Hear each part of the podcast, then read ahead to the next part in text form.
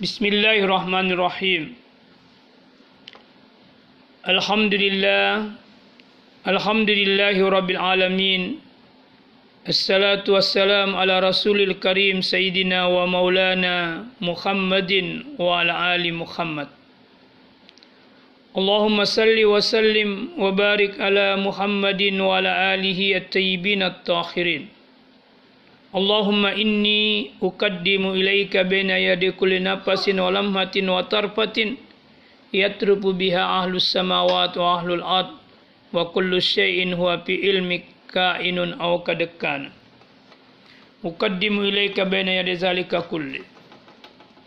Alhamdulillah pada pertemuan kali ini kita akan lanjutkan pembahasan tentang manusia dan gerakan intelektualnya. Pada pembahasan ini akan kita bicarakan keutamaan ilmu dan orang berilmu dalam pandangan Islam. Di dalam Al-Quran, yakni di dalam surah Al-Mujadilah, ayat 11, Allah berfirman, A'udzu billahi minasyaitonir rajim. Yarfa'illahu alladhina amanu minkum walladhina utul ilma darajat. Wallahu bima ta'maluna khabir. Allah akan meninggikan derajat orang-orang yang beriman di antara kalian dan orang-orang yang diberi ilmu pengetahuan beberapa derajat dan Allah Maha mengetahui apa yang kamu kerjakan. Berdasarkan ayat 11 di atas, sesungguhnya kita bisa berkata bahwa orang yang beriman dan beramal saleh serta memiliki ilmu pengetahuan atau diberi oleh Allah ilmu pengetahuan maka ia akan ditinggikan beberapa derajat dibanding orang yang beriman dan beramal soleh tapi tidak menghiasi dirinya dengan ilmu.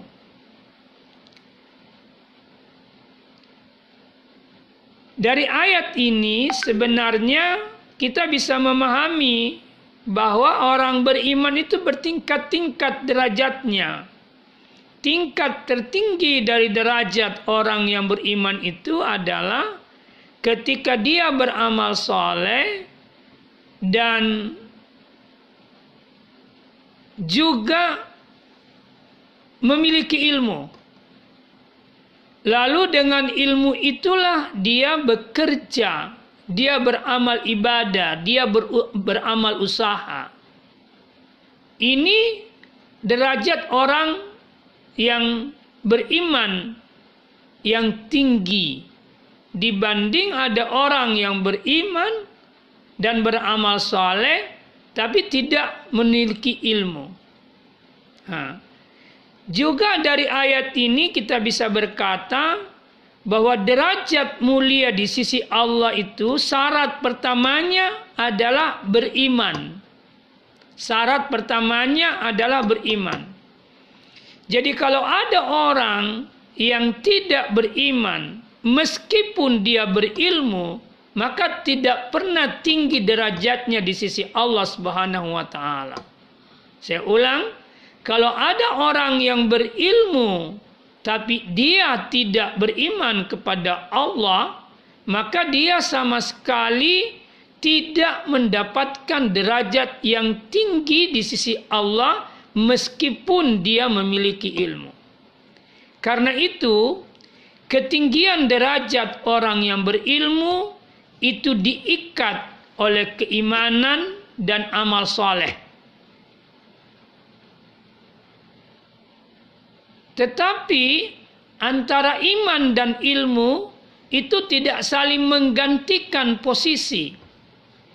iman tidak bisa menggantikan posisi ilmu, tapi juga ilmu tidak bisa menggantikan posisi iman. Tetapi keduanya memiliki relasi yang sangat kuat. Iman membutuhkan ilmu supaya keimanan itu bisa mantap dan terus bertambah hingga kepada puncak pencapaian tertinggi keimanan itu membutuhkan ilmu pengetahuan. Karena ilmu pengetahuan akan mengantar orang yang beriman itu memahami dengan benar tanda-tanda kebesaran Allah Subhanahu wa taala. Sebaliknya, orang yang berilmu itu membutuhkan iman. Karena keimanan itulah yang akan menjadi semacam pengendali dari ilmu yang dia miliki. Kalau dia hanya berilmu tanpa beriman, maka ilmunya bisa saja menciptakan sebuah kerusakan besar dalam kehidupan dirinya dan kehidupan orang lain. Itulah sebabnya antara ilmu dan iman itu tidak bisa dipisahkan antara ilmu dan iman sekali lagi itu tidak bisa terpisahkan satu sama lain. Kalau salah satunya di antara dua ini tidak ada pada diri seseorang, maka tidak mencapai dia kesempurnaan. Nah, yang ketiga yang tidak bisa terpisah dengan ilmu dan eh, iman adalah amal. Jadi iman, ilmu dan amal itu segitiga sama sisi. Kalau kita bawa dalam logika matematika dalam makna keterkaitan ketiganya. Jadi kalau ada orang yang berilmu, dia butuh iman dan dia butuh amal saleh. Ada orang yang beramal saleh, maka ketika dia beramal saleh, dia butuh ilmu dan dia butuh iman dalam beramal saleh. Begitu juga orang yang beriman, dia butuh ilmu dan sekaligus dia butuh amal saleh. Jadi ketiga-tiganya itu tidak bisa terpisahkan. Itu hubungan yang erat antara ilmu, amal, dan iman. Ilmu, amal, dan iman. Iman. Amal saleh bisa benar itu karena ilmu dan amal saleh bisa diterima dan bernilai di sisi Allah karena ada iman. Begitu juga ilmu. Ilmu itu bisa meninggikan derajat pemiliknya karena ada iman, lalu kemudian ilmu ini dibuktikan atau direalisasikan dalam bentuk amalan soleh. Karena kalau ilmu tidak direalisasikan dalam bentuk amalan soleh, maka ilmu itu tidak bermanfaat. Nah, itu kira-kira kandungan makna dari ayat yang kita bacakan tadi, ya. Dari ayat yang kita bacakan tadi, kita bisa berkata bahwa uh, atau kita bisa bertanya ilmu apa saja yang dapat meninggikan pemiliknya di sisi Allah dalam beberapa derajat? Jawaban atas pertanyaan ini adalah eh, semua ilmu.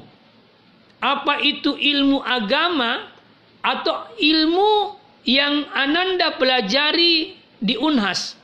Misalnya ilmu yang sedang Anda tuntut sekarang jurusan agro teknologi misalnya atau ilmu kedokteran atau ilmu kimia. Nah, begitu juga ilmu yang dipelajari di universitas-universitas agama seperti di UIM atau di IAIN ya. Jadi cakupan ilmu yang bisa meninggikan pemiliknya atau ahli ilmu ke derajat yang tinggi di sisi Allah adalah ilmu apa saja, semua ilmu bisa mencapai derajat yang tinggi. Baik itu ilmu yang bersumber dari ayat-ayat kauliat, yakni kitab suci, Al-Quran, ataupun ilmu-ilmu yang bersumber dari ayat-ayat kauniat, yakni alam semesta dan seluruh isinya. Kedua ayat ini adalah ayat-ayat Allah Subhanahu wa taala. Jadi orang yang belajar alam semesta, belajar fisika, geografi, kedokteran dan sebagainya, itu sesungguhnya dia belajar ayat-ayat Allah sebagaimana orang yang belajar tentang Al-Qur'an, tentang hadis, tentang agama, itu dia belajar ayat-ayat Allah. Apa yang dimaksud dengan ayat-ayat Allah?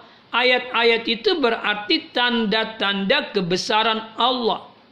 Jadi orang yang belajar ilmu terkait dengan ayat-ayat Allah, tujuannya adalah untuk mengilmui dan mengetahui tanda-tanda kebesaran Allah Subhanahu wa taala. Nah, setelah dia mengetahui tanda-tanda kebesaran Allah, dia akan menyadari kerendahan dirinya, dia akan menyadari kehinaan dirinya.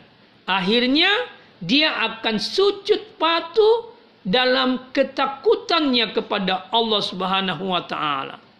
Seperti ada ayat di dalam Al-Qur'an yakni surah Fatir ayat 3 eh, surah Fatir ayat 28 eh, ada satu potongan kalimat di dalam ayat itu dia katakan inna ma yahsallah min ibadihi al ulama'u sesungguhnya hanyalah yang takut kepada Allah dari hamba-hambaku adalah al ulama hanyalah ahli ilmu sekarang ahli ilmu siapa yang dimaksud di sini kalau ayat ini dikaitkan dengan ayat sebelumnya, di mana ayat sebelumnya berbicara tentang alam semesta, yaitu di dalam ayat 27 Allah berfirman, "Alam tara, tidakkah kamu melihat annallaha ansala minas sama'i ma'an?" Bahwa sesungguhnya Allah menurunkan hujan dari langit Fa'akhrajna bihi zamaratin muhtalifan alwadu.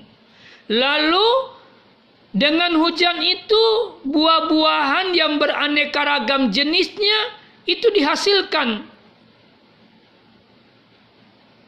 Lalu dikatakan lagi wa minal jibali junudun baidun. Lalu kemudian di antara gunung-gunung itu junadun ya ada garis-garis putih dan mereka dan merah merah yang beraneka ragam. Jadi garis-garis putih dan merah yang beraneka macam warnanya. Wa humrun muhtalifun alwanuhu. Wa garabibu saudun wa mina saudun. Ya. Dan kemudian ada pula yang hitam pekat Lalu selanjutnya dikatakan wa minan nasi wad dawabi wal an'ami muhtalifun alwanuhu.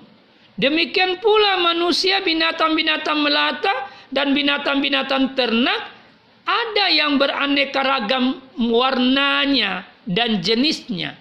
Jadi semua yang kita sebutkan tadi yakni hujan yang dari langit, peristiwa hujan, Kemudian hujan menghasilkan tumbuhan-tumbuhan, menghidupkan tumbuh-tumbuhan, yang menghasilkan buah-buahan beraneka ragam.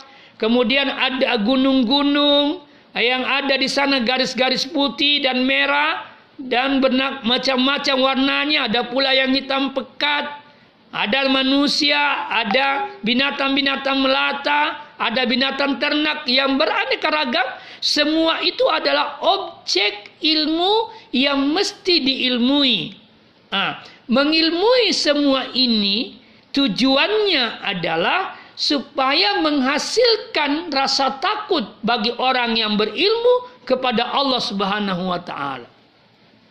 Dari sini kita bisa memahami bahwa orang yang berilmu yang tinggi derajatnya di sisi Allah Subhanahu wa taala adalah orang yang berilmu di mana ilmunya mengantarnya menjadi hamba yang Allah yang takut kepada Allah Subhanahu wa taala. Ini ciri ilmuwan yang sukses dan beruntung. Di ayat lain Allah berfirman di dalam surah An-Nur. Di dalam ayat ini Allah mengatakan auzubillahi minasyaitonirrajim. Ya'lamuna zahiran minal hayati dunya wa hum anil akhirati humul galibu hum galib gafilun.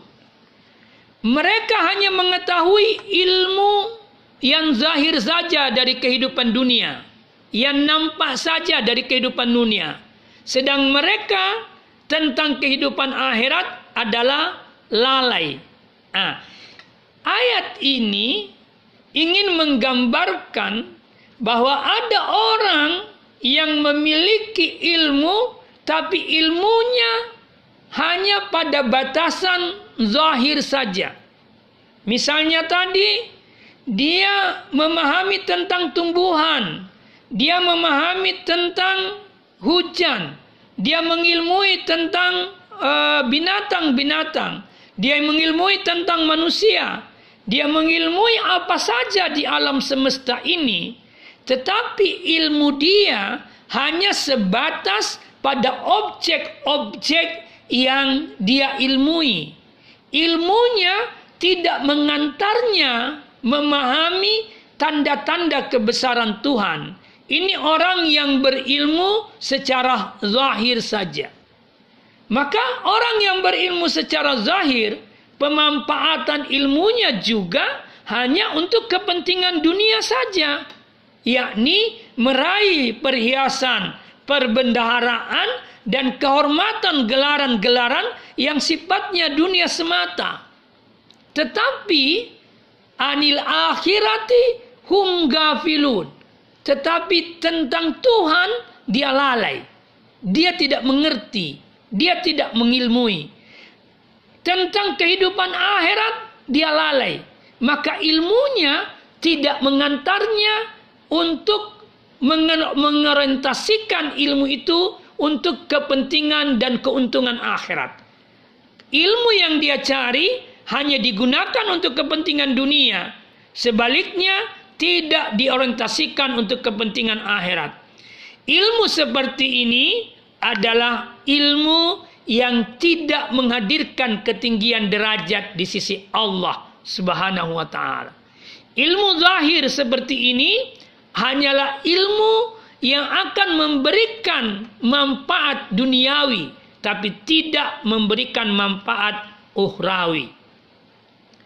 Ilmuwan yang sebatas ini yang hanya berorientasi dunia dan tidak menghasilkan ilmuwan ilmu yang berorientasi akhirat atau ilmu yang bersifat batin ini adalah ilmuwan yang tidak sampai pada hakikat ilmu. Dengan kata lain, ilmuwan zahir sesungguhnya bukan ilmuwan yang sebenar-benarnya ilmuwan atau tidak dapat dinamai ilmuwan yang sukses dan beruntung akan tetapi ilmuwan yang gagal sekaligus merugi.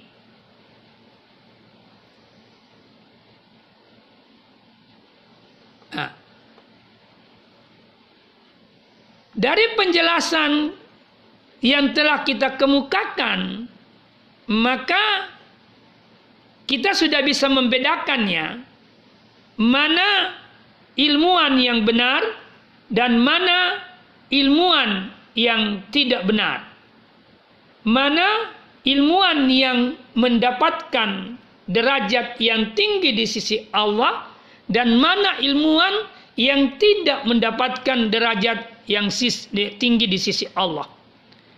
Menurut Al-Quran, ilmuwan yang tidak mendapatkan derajat yang tinggi di sisi Allah pada hakikatnya itu berbeda dengan orang ilmuwan yang mendapatkan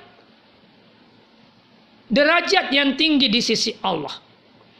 Seorang ilmuwan yang mendapatkan derajat yang tinggi di sisi Allah itu adalah orang-orang yang kanitun, ana al-laili sajidan wa qa'iman yahsarul akhirah wa yarju rahmat rabbih. Orang ciri utama orang yang uh, mendapatkan ketinggian derajat di sisi Allah karena ilmunya yang diikat oleh keimanan dan amal dan memujud dalam amal saleh, dia adalah qanitan. Dia adalah orang-orang yang kunut kepada Allah, taat dan patuh kepada Allah khususnya di waktu-waktu malam, baik dalam keadaan sujud maupun dalam keadaan berdiri. Maksudnya menegakkan qiyamul lail. Yahzaru al-akhirah karena dia takut kepada azab Allah di akhirat. Wa yarju rahmat dan dia mengharapkan rahmatnya Allah, kasih sayangnya Allah. Nah, ini tidak sama dengan orang-orang yang tidak taat kepada Allah meskipun dia punya ilmu atau dengan orang-orang yang menserikatkan Allah, orang-orang yang berlaku syirik meskipun dia berilmu. Saya ingin mengatakan bahwa orang-orang yang syirik dan meskipun dia berilmu tapi dia melakukan kesirikan atau menserikatkan Allah, maka sesungguhnya orang seperti ini disebut orang yang tidak berilmu. Pada hakikatnya dia tidak memiliki ilmu. Kenapa? Karena ilmu yang dia miliki tidak mengantarnya kepada pemilik ilmu. Maka Tuhan berkata, "Hal yastawil ladina ya'lamuna wal ladina la ya'lamun?"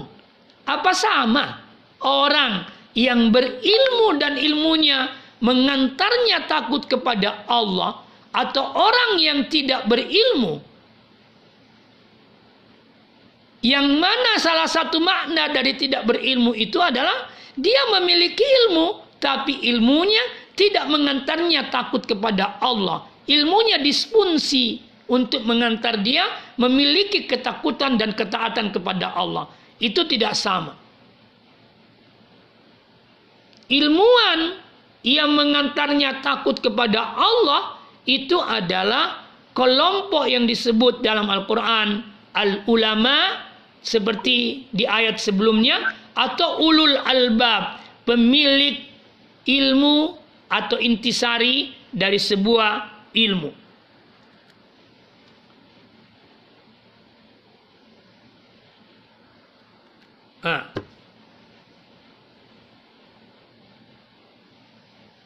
Dari uraian yang kita bisa yang kita sudah kemukakan di situ tampak sekali berapa tingginya betapa pentingnya ilmu itu. Rasulullah Shallallahu Alaihi Wasallam terkait dengan urgensi ilmu ini untuk mencapai derajat yang tinggi di sisi Allah dia bersabda, "Al ilmu ra'sul khair wal jahlu ra'sus syarri kulli."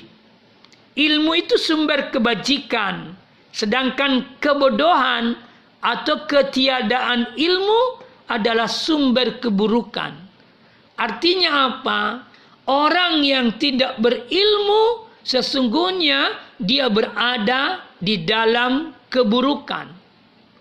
Sebaliknya, orang yang berilmu sesungguhnya dia berada di dalam kebaikan. Tetapi orang berilmu yang bagaimana yang berada di dalam puncak kebaikan adalah mereka yang berilmu dan ilmunya mengantarnya takut kepada Allah. Tetapi orang yang berilmu tapi ilmunya tidak mengantarnya takut kepada Allah, sesungguhnya dia tetap berada dalam keburukan. Ya, karena yang dimaksud orang yang bodoh itu al-jahil itu bukan tidak berilmu tapi salah satu makna al-jahiliyah itu dia memiliki ilmu tapi ilmunya tidak mengantarnya kepada Allah Subhanahu wa taala. Karena itu Imam Ali berkata, "A'zamul masaib al-jahlu. musibah terbesar itu adalah kebodohan. Kebodohan yang dimaksud di sini termasuk kebodohan karena tidak memiliki ilmu, tetapi juga termasuk kebodohan orang yang berilmu tapi ilmunya tidak mengantarnya takut kepada Allah Subhanahu wa taala. Nah. Hadis lain yang menjelaskan tentang keutamaan ilmu dan berilmu, Rasul sallallahu alaihi wasallam bersabda, "Zambul alim wahid wa zambul jahil sanbani." Kesalahan orang berilmu itu satu saja. Dan kesalahan orang bodoh itu dua. Ha, menarik ini. Kenapa kesalahan orang berilmu itu hanya satu dan kesalahan orang bodoh itu dua? Jawabnya adalah orang yang berilmu itu akan jatuh dalam kesalahan kalau ilmunya tidak mengantarnya ke Tuhan. Tetapi kan itu dia jatuh dalam dalam dalam dosa. Tetapi orang yang bodoh akan mengalami dua kesalahan. Dua dosa. Pertama dia berdosa karena tidak berilmu. Yang kedua dia ber, dia berdosa karena tidak dekat kepada Allah. Tapi kalau orang berilmu satu dosanya yakni dosanya karena dia tidak memanfaatkan ilmunya dekat kepada Allah Subhanahu wa taala. Dosa kebodohan sudah terangkat dari dirinya. Makanya disebut dosanya orang yang berilmu itu satu, tapi dosanya orang yang tidak berilmu itu dua. Dia berdosa karena tidak berilmu dan dia berdosa karena tidak dekat kepada Allah Subhanahu wa taala. Di dalam hadis lain Nabi bersabda, "Aqrabun nas min darajatin nubuwah ahlul ilm wal jihad." Paling dekatnya manusia dari dari derajat kenabian adalah ahli ilmu dan jihad. Jadi orang berilmu dan ilmunya mengantar dekat kepada Allah itu sangat dekat dengan derajat kenabian. Berbeda dengan orang yang bodoh dan tidak punya ilmu, maka otomatis dia jauh dari derajat kenabian. Itu kira-kira perbandingannya. Dalam sabda yang lain, Nabi juga menjelaskan keutamaan ahli ilmu atas orang yang ahli ibadah. Sampai Nabi bersabda, "Naumun ma'il ma'ilmin khairun min salatin ala jahlin." Tidur dengan ilmu lebih baik daripada salat dengan kebodohan. Apa maksudnya? Misalnya, ada orang yang belajar sampai tengah malam sampai-sampai dia tertidur dan dia tidak bangun salat, maka orang ini masih jauh lebih bagus daripada orang yang bangun malam salat malam tapi dia tidak punya ilmu tentang salat malam itu sendiri. Maka orang yang tertidur yang kemudian karena capek belajar, capek mencari ilmu, tapi dia tidak sempat karena capek bangun malam, itu masih lebih bagus dibanding orang yang bangun tengah malam tapi dia dalam melakukan qiyamul lail tapi dia tidak berilmu.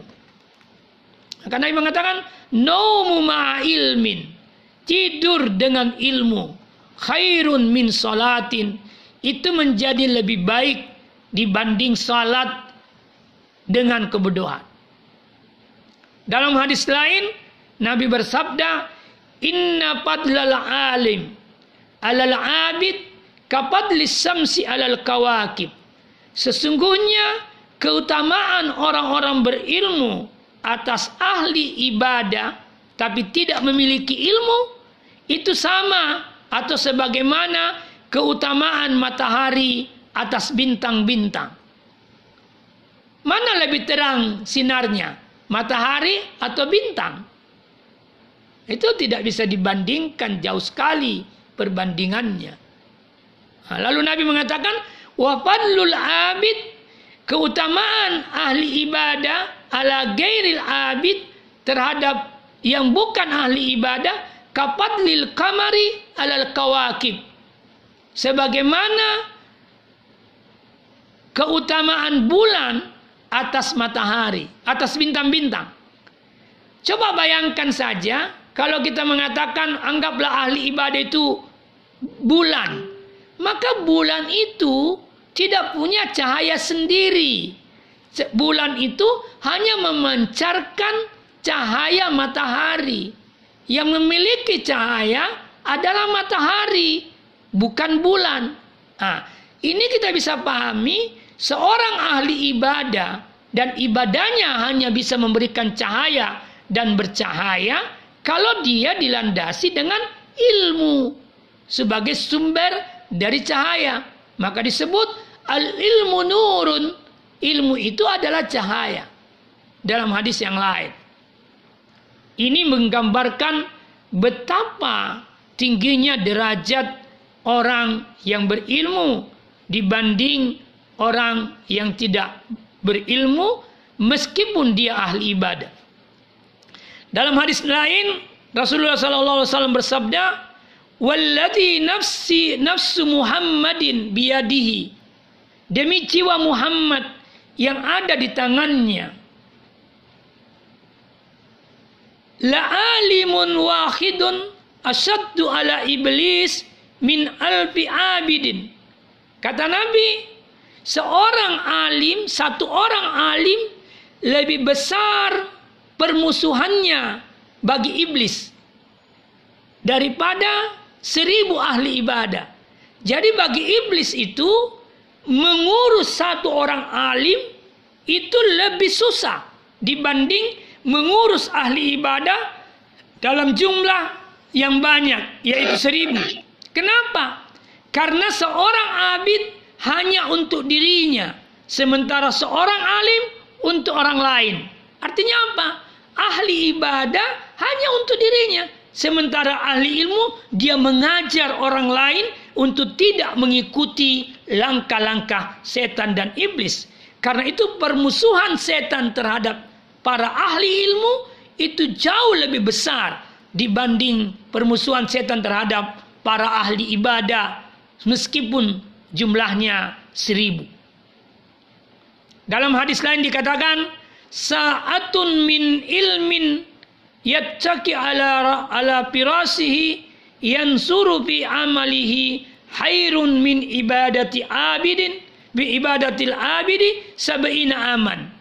Sesaat bagi seorang alim yang bersandar di tempat tidurnya merenungkan amalan-amalan hariannya itu lebih baik dibanding ibadahnya seorang ahli ibadah selama 70 tahun.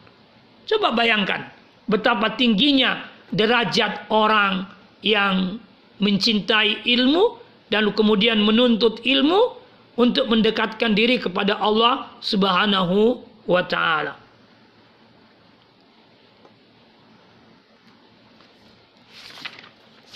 Dalam hadis yang lain Allah membedakan atau Rasulullah Shallallahu alaihi wasallam mengatakan ya man talabal ilma lillah.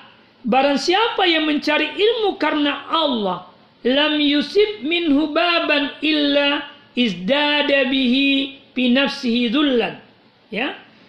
Barang siapa yang mencari ilmu karena Allah tidak akan mendapatkan suatu pintu pun darinya melainkan bertambah bagi dirinya kehinaan kerendahan jiwa di hadapan manusia ketakutan kepada Allah kegigihan dalam agama Itulah yang yang bermanfaat ilmunya dan mengajarkannya.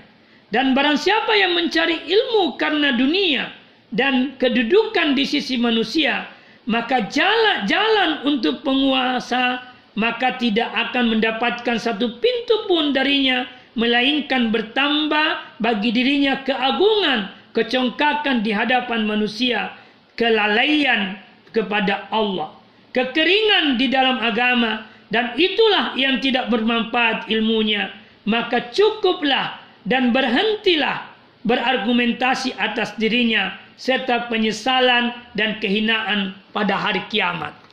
Hadis ini ingin menjelaskan dua prototipe contoh orang berilmu. Satu berilmu karena Allah, inilah yang tinggi derajatnya, dan satu berilmu karena dunia. Kalau ada orang berilmu karena dunia, maka boleh jadi dia sangat diagungkan di dunia, tapi dia sangat hina di akhirat. Berbeda dengan ada orang berilmu karena Allah, boleh jadi di dunia dia terhina, tapi dia sangat tinggi derajatnya di sisi Allah di akhirat.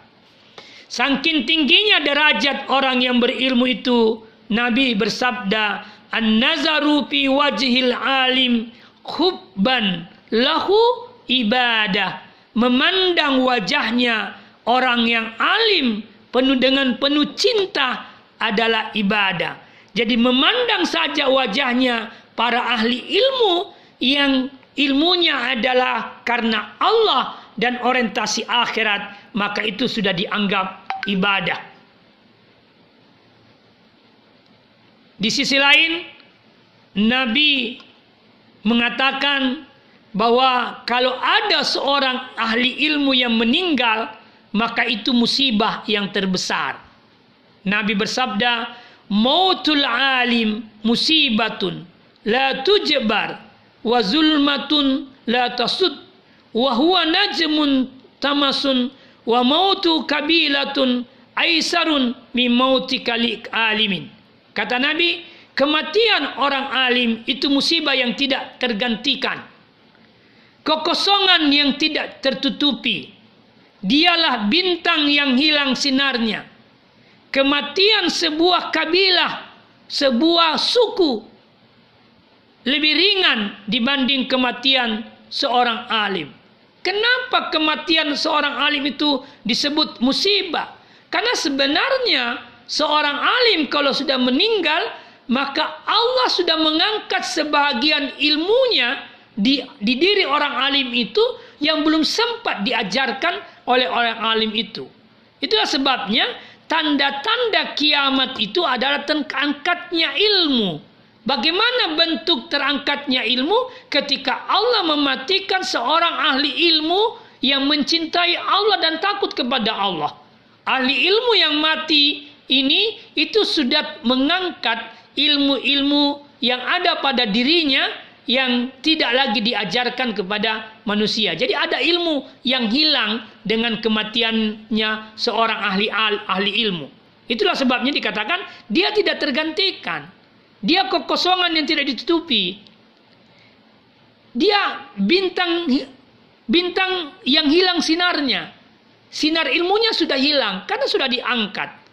Maka kematian satu orang alim ulama itu masih menjadi apa? Kalau mau dibandingkan dengan kematian satu suku, satu bangsa, maka kematian satu bangsa itu lebih ringan dibanding kematian seorang ulama. Saking tingginya derajat orang yang berilmu. Kesimpulannya, kita ingin mengatakan bahwa dari apa yang kita jelaskan tentang keutamaan ilmu dan orang yang berilmu, maka saya ingin menegaskan tidak ada alasan lagi bagi kita untuk tidak serius, untuk tidak termotivasi dengan kuat untuk belajar dan terus belajar karena Allah. Ingat karena Allah untuk memahami tanda-tanda kebesaran Allah sehingga ilmu yang kita dapatkan mengantar kita tunduk patuh dan takut kepada Allah. Inilah kesuksesan dan keberuntungan bagi orang-orang yang berilmu. Tetapi jangan sebaliknya. Jangan ilmu itu hanya orientasi dunia semata. Jangan sampai ilmu itu hanya sebatas untuk mendapatkan kehormatan-kehormatan duniawi dan perhiasan-perhiasan duniawi. Kalau itu orientasinya, dia akan sangat berbahaya untuk kehidupan ohrawi.